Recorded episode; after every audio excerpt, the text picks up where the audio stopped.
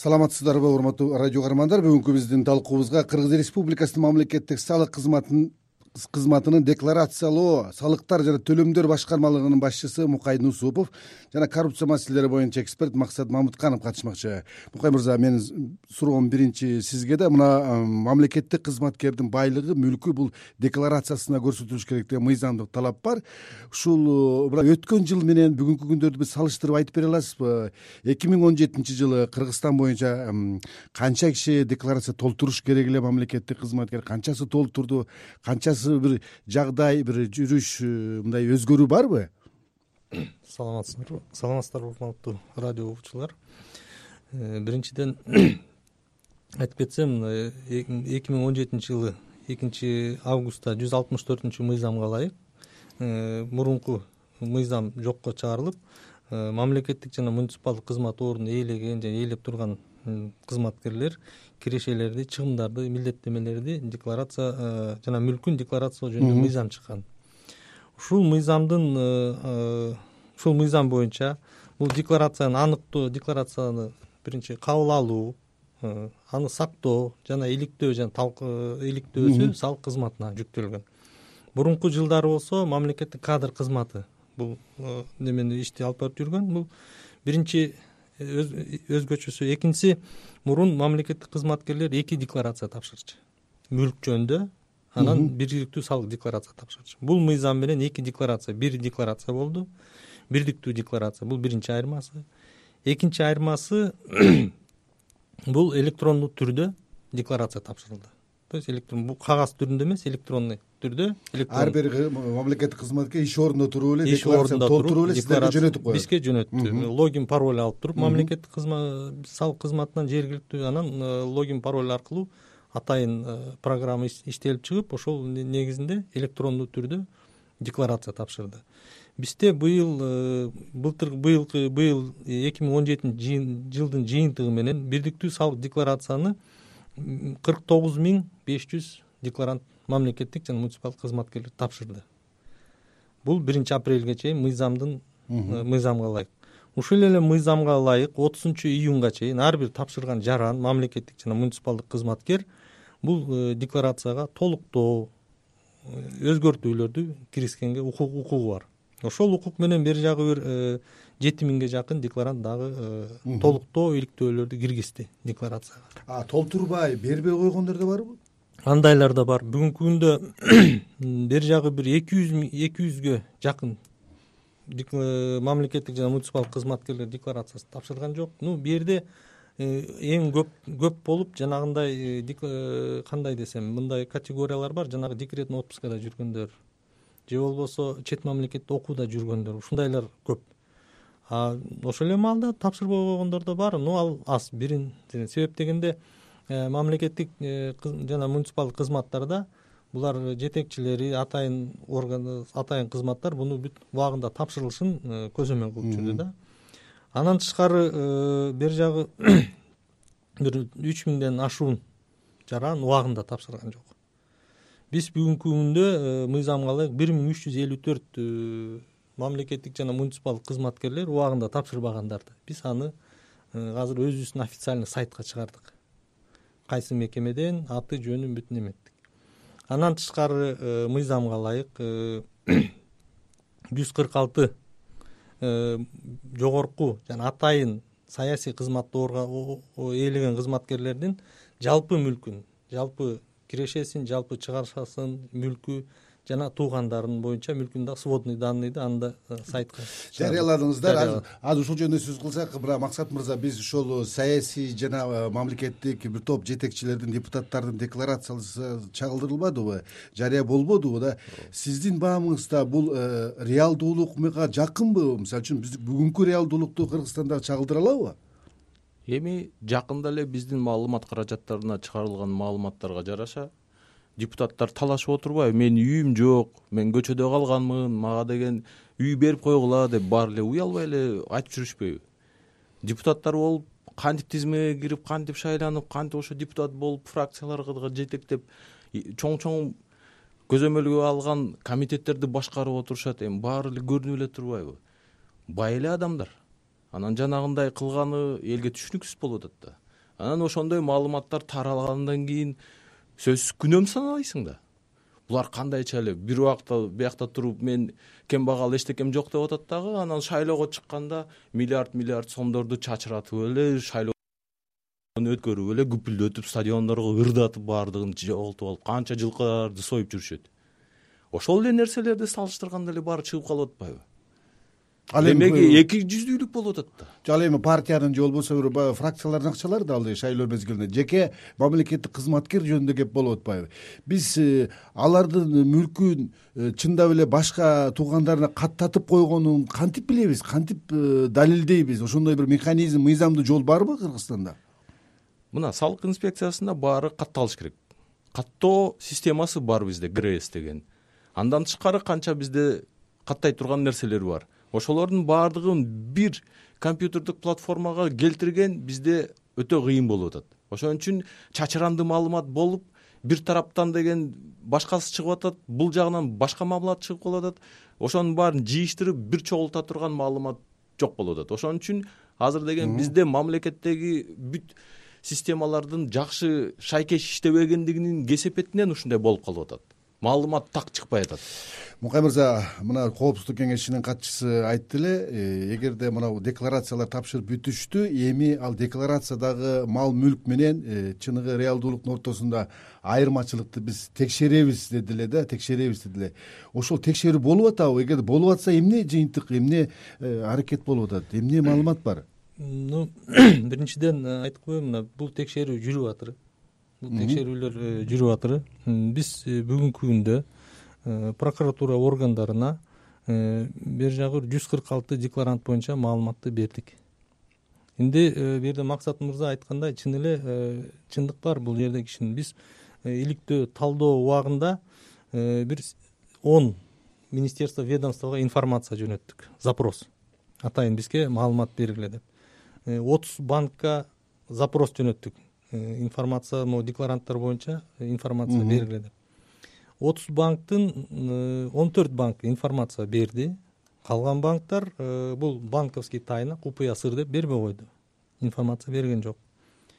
Жана айтып кетпедимби он министерствого информация бердик. Он министерствонун биз үч төрт министерстводон эле информация алдык декларанттар жөнүндө. Калган министерстволор өзүнүн мыйзамдарга ылайык. Мисалы финансовый разведка скажем мисалы өзүнүн мыйзамына ылайык бул тайна сыр деп бизге берген жок маалымат. Ошол эле маалда мен жанагы айтып кетейин бул максат мырза айткандай чын эле э, бул көп убакыт именно талдоо менен неме көп убакыт алып атыр.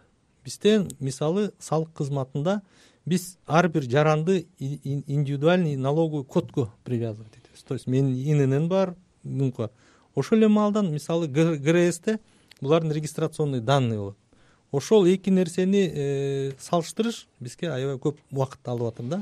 Убакыт алып атыр бул биринчи жагы жагдай болот. Экинчи жагы бул э, приватизация жерди өзүнө менчиктештирүү. Токсон экинчи токсон төртүнчү жылдан бери башталган да.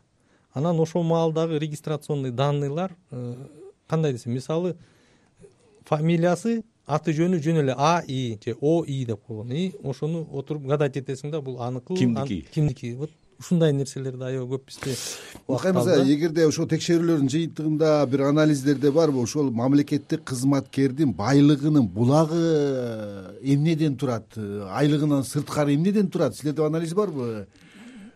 Кайсы кайсы бир убактардан турат дегенчи? бизде бизде андай анализ жок мисалы э, бул мыйзамга ылайык салык кызматына э, жалаң эле э, ушул болгон декларант жөнүндөгү чыгашалар кирешелер мүлкү ошолордун аныктоо жана толуктугу бизге жүктөлгөн. Биз аныктоо жана толук. Мына ушул эки нерсени биз анализ кылып көрдүк да максат мырза мына кыргызстандын ар бир жараны анын ичинде мамлекеттик кызматкердин дагы мына мүлктүк э, э, малдык бир эмеси кол тийбестиги бар туура эч ким ага тийишүүгө акысы жок. Коргоого алыныш керек ал дагычы эми кыргызстандын мамлекеттик кызматкер эч кандай бизнеси жок болсо инвестиция менен иштебесе насыя кредит албаса каяктан байып атат булар сиздин оюңуз? Сиздин анализиңиз барбы жөнөкөй эле нерсе да эгерде сенин деген аялыңа же туугандарыңа же балаңа же күйөө балаңа оформить этилген катталган бир бизнес жок болсо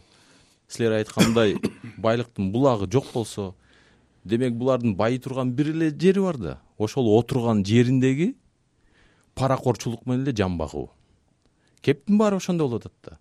Ошол жерде отуруп алып ошол жери иштеп аткан ошончо парага деген чогултуп ошону байытканга шарт түзүп берген мамлекет өзү күнөөлүү болуп атат анда анткени деген паракорчулукка жол берип койгонбуз мыйзамдардын баарын жазып койгонбуз анын да текшерилиши бизде өтө опурталдуу болуп атат. Анан мамлекет өзү азыр түз жолго чыга албай атат чынын айтып коюш керек. Ошон үчүн бийлик да таза жолго түшкөнгө ошого муктаж болгон саясий күч болуш керек анан эл эл мынакей армениядай болуп сексен токсон процент колдогондой ошого көздөгөндөй максат коюлганда баары биргелешип мамлекет менен эл жарандык коом баардык кыргызстандын жарандары тазаланалы коррупциясыз жашайлы ачыкка чыгалы деген ниети менен келгенде ошондо анда чиновниктерге деген акчаны эч ким алып келе албайт. Алар дагы ала албай калат. Ошондой системаны түзгөнгө биз баарыбыз кандай шарт түзүп беришибиз керек эмне кылышыбыз деген эмки жолдор болуп атат. Азыр болсо биз чиновниктерди орундарынан отуруп стөлүндө отуруп байыганын тамырын чаба албай атабыз. Эми мисал келтирип коеюн. Биздин кыргызстанда жыйырма жети жылдын ичинде беш миң кен казган лицензия сатылыптыр беш миң. Беш миң лицензияны жылыга текшериш керек мына салык инспекциясы жылыга налогду текшергендей эле так ошондой эле. Ошол зилалиев башкарып кеткен эле мекеме.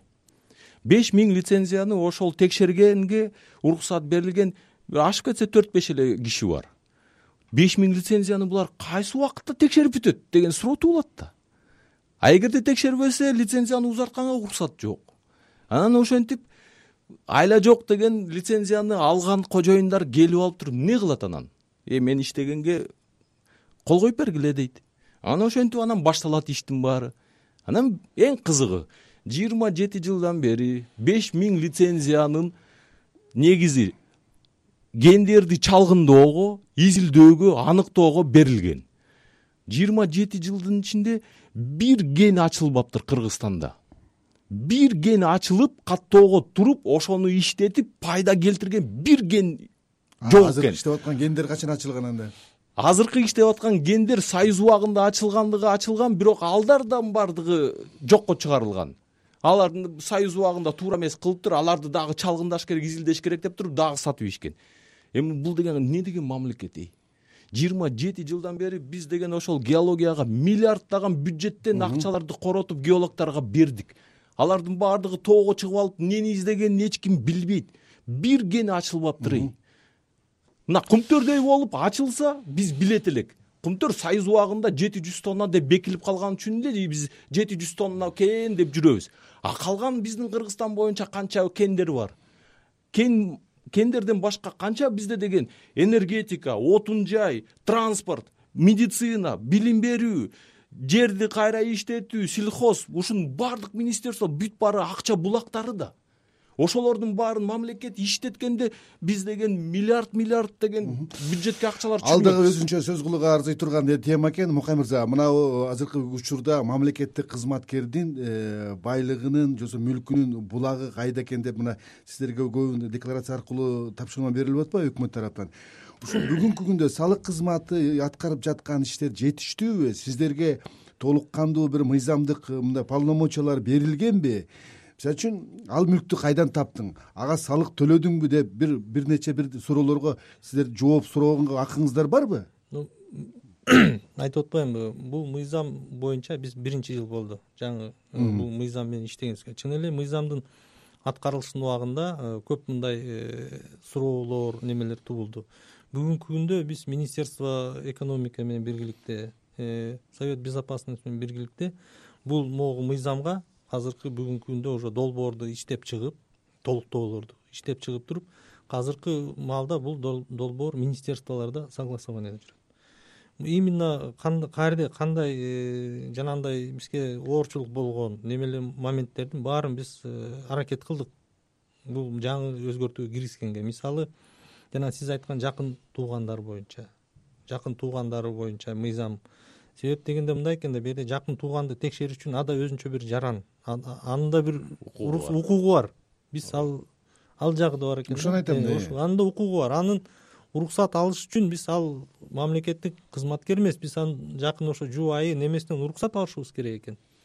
Чтобы биз сенин мүлкүңдү сенин кирешеңди немени текшеребиз деген уруксат алыш керек. Мына ошол момент ушул моменттердин биз баарын азыр өзгөртүүлөр толуктоолор киргиздик бул биринчи жагы. Экинчи жагы жанагы э, өзү негизи бир эле салык кызматына жөн эле толуктоо немени текшерип эмес а именно сиз айткан суроолорду бул мүлк кайдан чыккан кайсы булактардан неметкен ошолорду да камтыганга аракет кылдык.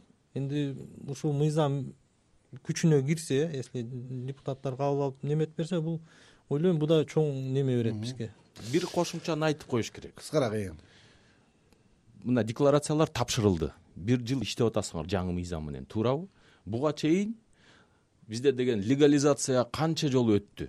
Буга чейин жашырылып жашырылган бирөөлөргө мүлкүн деген каттоодон өткөрүп койгонго ошонун баарын ачыкка чыгарууга мамлекет аябай көп шарт түзүп берди. Канча жолу болду? Эки үч эки компания. эки компания болду. Ошол убагында ачыкка чыгарып башка бирөөгө катталып койгон мүлктүн деген башын ачып мыйзамга келиштирип ылайыкташтырып жол түзүлүп берилген эми ошол деген мыйзамга такап туруп бияк текшергенде азыр эгерде ошол компанияга катышып ошондон деген легализация болуп акталып чыккан мүлк болсо ал жерде жоопкерчилик башка болот.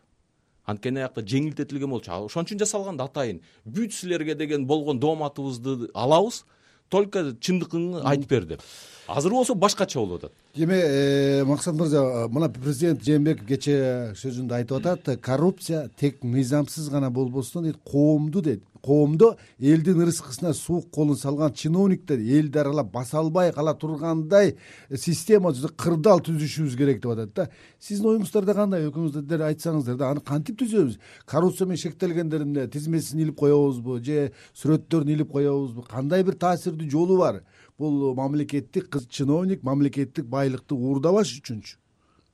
Мунун баарын мыйзам чегинде жасаш керек да. Салык инспекциясы мынакей декларациясын деген мөөнөтүнөн мыйзамсыз убакыт тыякпай койгон списокторун чыгарып атат. Алар тизмесин ачык эле турат. Мыйзамды деген бузуп өзүнүн декларацияларын убагында тапшырбагандардын тизмеси деп. Андан тышкары андан ары кеткиле да. Бизге маалымат бербеген министрлик могу ал министрликти башкарган могу деп туруп ал министрди тандаган могу партия деп ошонун баарын элге ачык ачып чыгарыш керек да. Анан ошондо анан деген президенттин сөзү деген чындык болот. Эл билиш керек да ким тоскоол болуп атат ошонун баарын ачыкка чыгарганга. Демек бир саясий күчтөр жеке бир саясатчылар ошого каршы чыгып атат экен да анда. Биринчиден мен жана толуктоо киргизмн биринчиден максат мырза туура айтып атыр бул жерде мыйзам жакшы мыйзамдар болуш керек. Бул биринчиси экинчиси жеке менин өзүмдүн оюм да бул коом өзү даяр болуш керек ошого. Коом биздин коом биздин эл кыргыз эл ошого даяр болуп ошого активдүү катышыш керек. Бул жерде бир эле мамлекеттик салык кызматы же башка кызмат бунун иштин баарын жүргүзө албайт. Мисалы биздин э, могу талдоо иликтөө убагында э, жанагы э, сайттарга аки пресстерге аки пресс жыйырма төрт kg же башка немелерге моундай сайттарга информация келип атты. Бул информацияны эл бизге кайра ушул жарандык коомдор немелер бизге жөнөтүп атты. Мына көрдүңөрбү бунун карап койгула карап койгула бунун мынча үйү бар экен мынча машинеси бар экен ушуну тактап бергиле бизге бизге жооп бергиле деп ну андай маалыматтар аз түшүп атты да ошон үчүн жана да сиз айтып кетпедиңизби тиги декларация менен реалдуу байлыгы туура келбей калган бир бир канча миңден ашык дедиңизби бир чиновниктики чыкты деп атпайсызбы? Мына ошондой туура эмес чыгып калгандарды э, же болбосо ашкере эметип атканда аныкталып калгандарды кайрадан бир коомго алып чыксаңыздар болобу салык инспекциясы? Бул жерде мындай да биз азыр э, жана айтпадымбы биз жүз кырк алты э, жүз кырк алты жүз кырк алты мен жүз кырк алты декларант боюнча материалды биз прокуратурага өткөрүп бердик бирок бул жерде мындай да э, биз аларды прокуратура мен мисалы экономист финансист мен юридикалык бааны бере албайм. Мен андай тажрыйбам жок.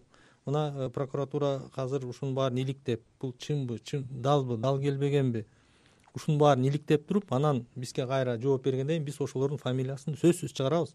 Иштеген жерин э, кандай мүлкүн кандай немелерди жашырган ошонун баарын чыгарабыз максат мырза мына кээде мамлекеттик чиновниктер ошондой э, мүлктөрүн башка жакын туугандарына жаздырып коет деп айтып атпайбызбы да? Бирок азыркы күндө мамлекет өкмөт мамлекеттик чиновникти мындай мүлктүк жагынан коргой алабы? Эгерде ошого кепилдик бере алабы? Бүгүнкү мамлекеттик чиновниктин айлыгы да белгилүү туурабы? Ооба. Ошондуктан бир мамлекет дагы өзүнө бир жоопкерчилик алыш керек да кепилдик алган жагдай барбы мыйзамдын баардыгында ошондой бекитилген. Анткени тууганыңа катталган буюмдун ээси тууганың болуп калат.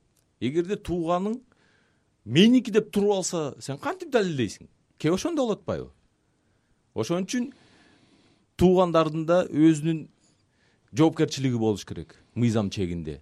Ошонун баарын мыйзам чегинде алып барыш керек эл жарандык коом эми баарыбыз деген бир кыргызстанда жүрөбүз да. Баарыбыз эле бир ресторандарга барабыз бир кафелерден тамак ичебиз баарыбыз эле кошумча аласа бересебиз бар дегендей. Эми баары ачык эле көрүнүп турат да.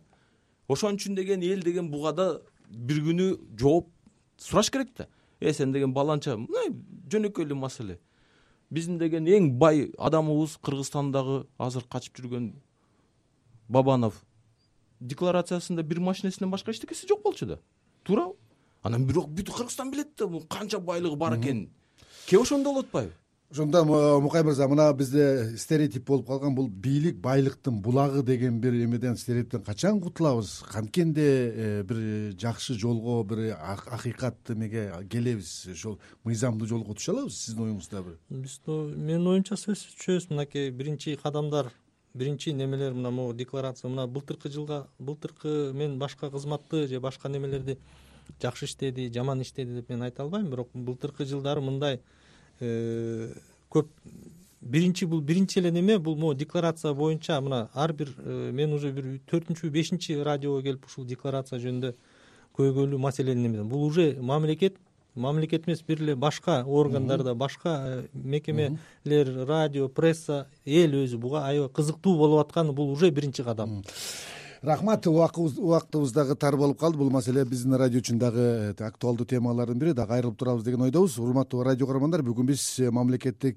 чиновниктер кайдан кантип байып жатышат кантип э, мыйзамдуу бир тазара турган жолго түшөбүз деген теманын тегерегинде кеп кылдык. Бүгүн биздин талкуубузга салык кызматынын декларациялоо салыктар төлөмдөр башкармалыгынын башчысы мукайдын усупов коррупция маселелери боюнча эксперт максат мамутканов катышты. Берүүнү мен бакыт орунбеков алып бардым кайрадан эфир аркылуу жолукканча саламатта калыңыз